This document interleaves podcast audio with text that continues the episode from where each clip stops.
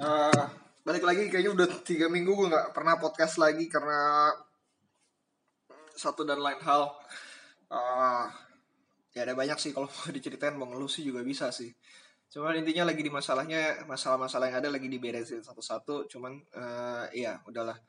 Dan gue terlalu berharap dengan proyek yang kemarin ini dan kebetulan juga yang editing videonya ya berhubung gue juga gak bisa edit video jadi gue mesti ya kebetulan yang editing videonya lagi ujian jadi uh, gue berharap mungkin uh, gue kayaknya mesti ngerubah konsep dari vlognya itu sendiri. Supaya gue kalau misalkan gue punya bahan gue bisa belajar sedikit tentang editing terus begitu bisa gue langsung upload ke YouTube. Oke, okay, next next uh, kita mau bahas sesuatu yang berhubungan dengan cost dan profit center. Jadi uh, ini ini gua sebenarnya waktu itu ada diskusi ya dengan dengan temen gua yang kebetulan juga dia di apa seorang analis di satu aset manajemen. Uh, menariknya sebenarnya pembahasannya tentang uh, cost center atau profit center. Jadi banyak banget kalau misalnya diomongin di sebuah perusahaan itu ada dibagi dua.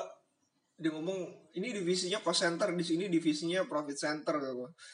Tapi menurut gua nggak ada sebenarnya divisi cost center atau profit center gitu. Jadi dia selalu beranggapan bahwa karyawan itu adalah cost. Uh, gue selalu bilang bahwa itu pun dia setelah gua ngomong tentang masalah bahwa karyawan tersebut itu harus ditreat dengan baik. Jadi sehingga dia bisa ngasilin productivity yang bagus. Jadi itu ada human resources gitu. Istilah sekarang kan kayak human resources uh, layaknya kayak apa sih? Uh, natural resources. Jadi resource human itu adalah resource untuk menghasilkan sesuatu. Jadi gue nggak bisa bilang dia mereka adalah cost center gitu. Bukan cost center gue gak bisa bilang mereka bu cost. Jadi manusia itu adalah yang menggerakkan sebuah perusahaan. Jadi begitu ngomongin bahwa apakah man, uh, karyawan adalah sebuah beban nggak juga gitu. Istilah sebenarnya dari profit center dan cost center itu untuk menentukan strategi dari divisi tersebut. Jadi gini, kalau ada orang-orang yang ngomongin di profit center, istilahnya dia berarti divisi tersebut menghasilkan uang atau divisi yang bisa menghasilkan istilah kok misalkan di dana pensiun kayak gini sih divisi yang menghasilkan uang itu adalah divisi investasi. Divisi selain saya itu adalah divisi support Nah, divisi support ini kadang-kadang dibilang divisi cost center karena dia tidak menghasilkan uang berarti dia cuma beban doang. Pernyataan kenyataannya sebenarnya tidak seperti itu. Divisi-divisi yang lain itu supporting unit dari divisi investasi dan uh, bisa jadi dia itu uh, menurunkan cost dari menurunkan beban ataupun menurunkan uh, ya menurunkan beban dari si investasi dan sehingga si investasi bisa meningkatkan hasil kerjanya gitu. Bayangin kalau misalkan semua supporting unit kayak akuntansi, uh, eh, HRD, terus dan lain sebagainya gitu, akuntansi keuangan itu digabung lagi dengan divisi investasi. Tentu dia nggak bakalan bisa uh, optimal dalam melakukan uh, investasinya. Banyak hal yang mesti dipikirin. Jadi istilah cost center dan profit center itu sebenarnya dilihat dari divisi tersebut menghasilkan uang atau enggak gitu. Nah kalau misalkan divisinya profit center misinya adalah untuk menghasilkan kekayaan sebesar besarnya tapi kalau istilah di cost center itu bukan untuk menurunkan biaya Enggak, fungsi dari cost center itu bukan menurunkan biaya, tapi melainkan melakukan efisiensi. Jadi bagaimananya bagaimana caranya contoh nih HRD misalkan spending untuk uh, tim IT-nya dia gitu. Uh, debatable sih tim IT ada yang bisa di bawah CFO, tapi untuk kasusnya dana pensiun ini tim IT-nya ada di bawah HR.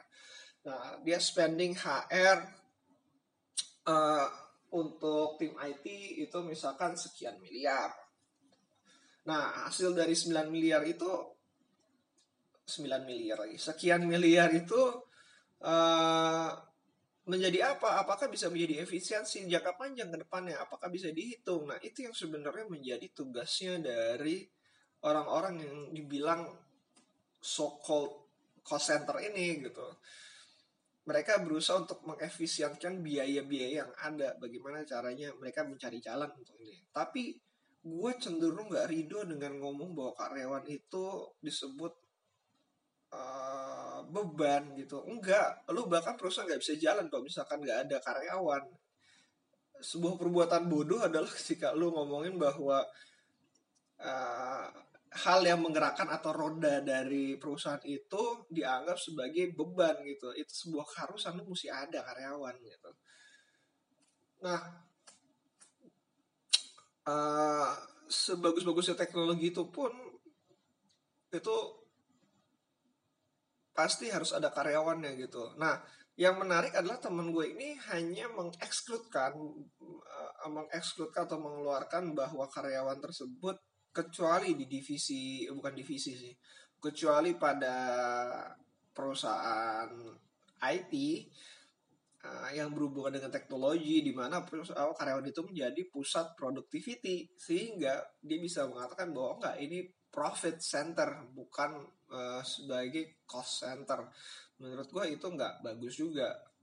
Uh, bukan masalah mendegradation mendegrading sorry melem, menurunkan nilai dari karyawan itu sendiri gitu sebenarnya bukan di situ. Tapi uh, konsepnya menurut gue rada sedikit jadi salah gitu konsepnya jadi salah dia bisa menjadi beban ketika dia buka, tidak menghasilkan produktiviti yang diinginkan sebuah perusahaan. Tapi kalau misalkan dia menghasilkan, ya sudah, berarti itu artinya dia masuk profit center. Terlepas dia menghasilkan uang secara langsung ataupun tidak langsung.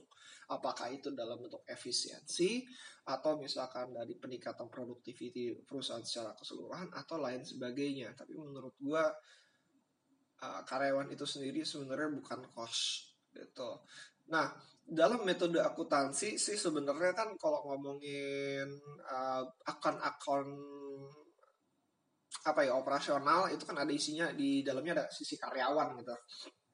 Uh, itulah alasan kenapa banyak kan orang-orang akuntansi dan finance menganggap bukan kebanyakan sih, yang beberapa ya lah menganggap bahwa mereka ini menjadi uh, beban. Karena di situ tulisannya beban beban SGA gitu. Beban SGA atau sales and general.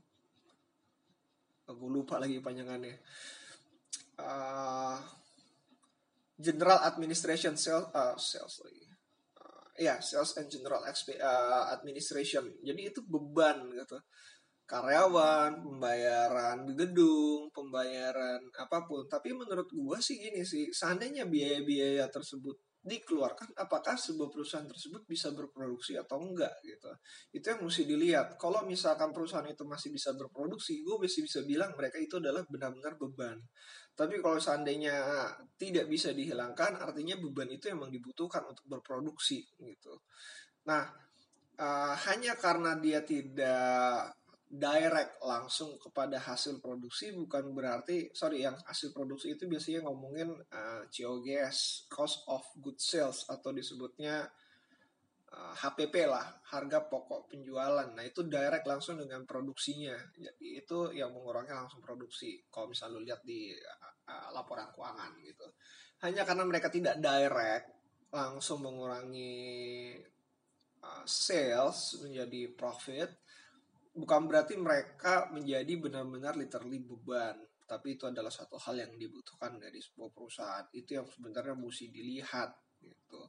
Tadi dari perusahaan itu sendiri kalau menurut gue untuk membedakan antara beban atau enggak gue cenderung suka dengan Elon Musk yang lakukan. Seandainya lu ataupun alat-alat tersebut dihilangkan dari perusahaan apakah perusahaannya masih bisa running well atau enggak?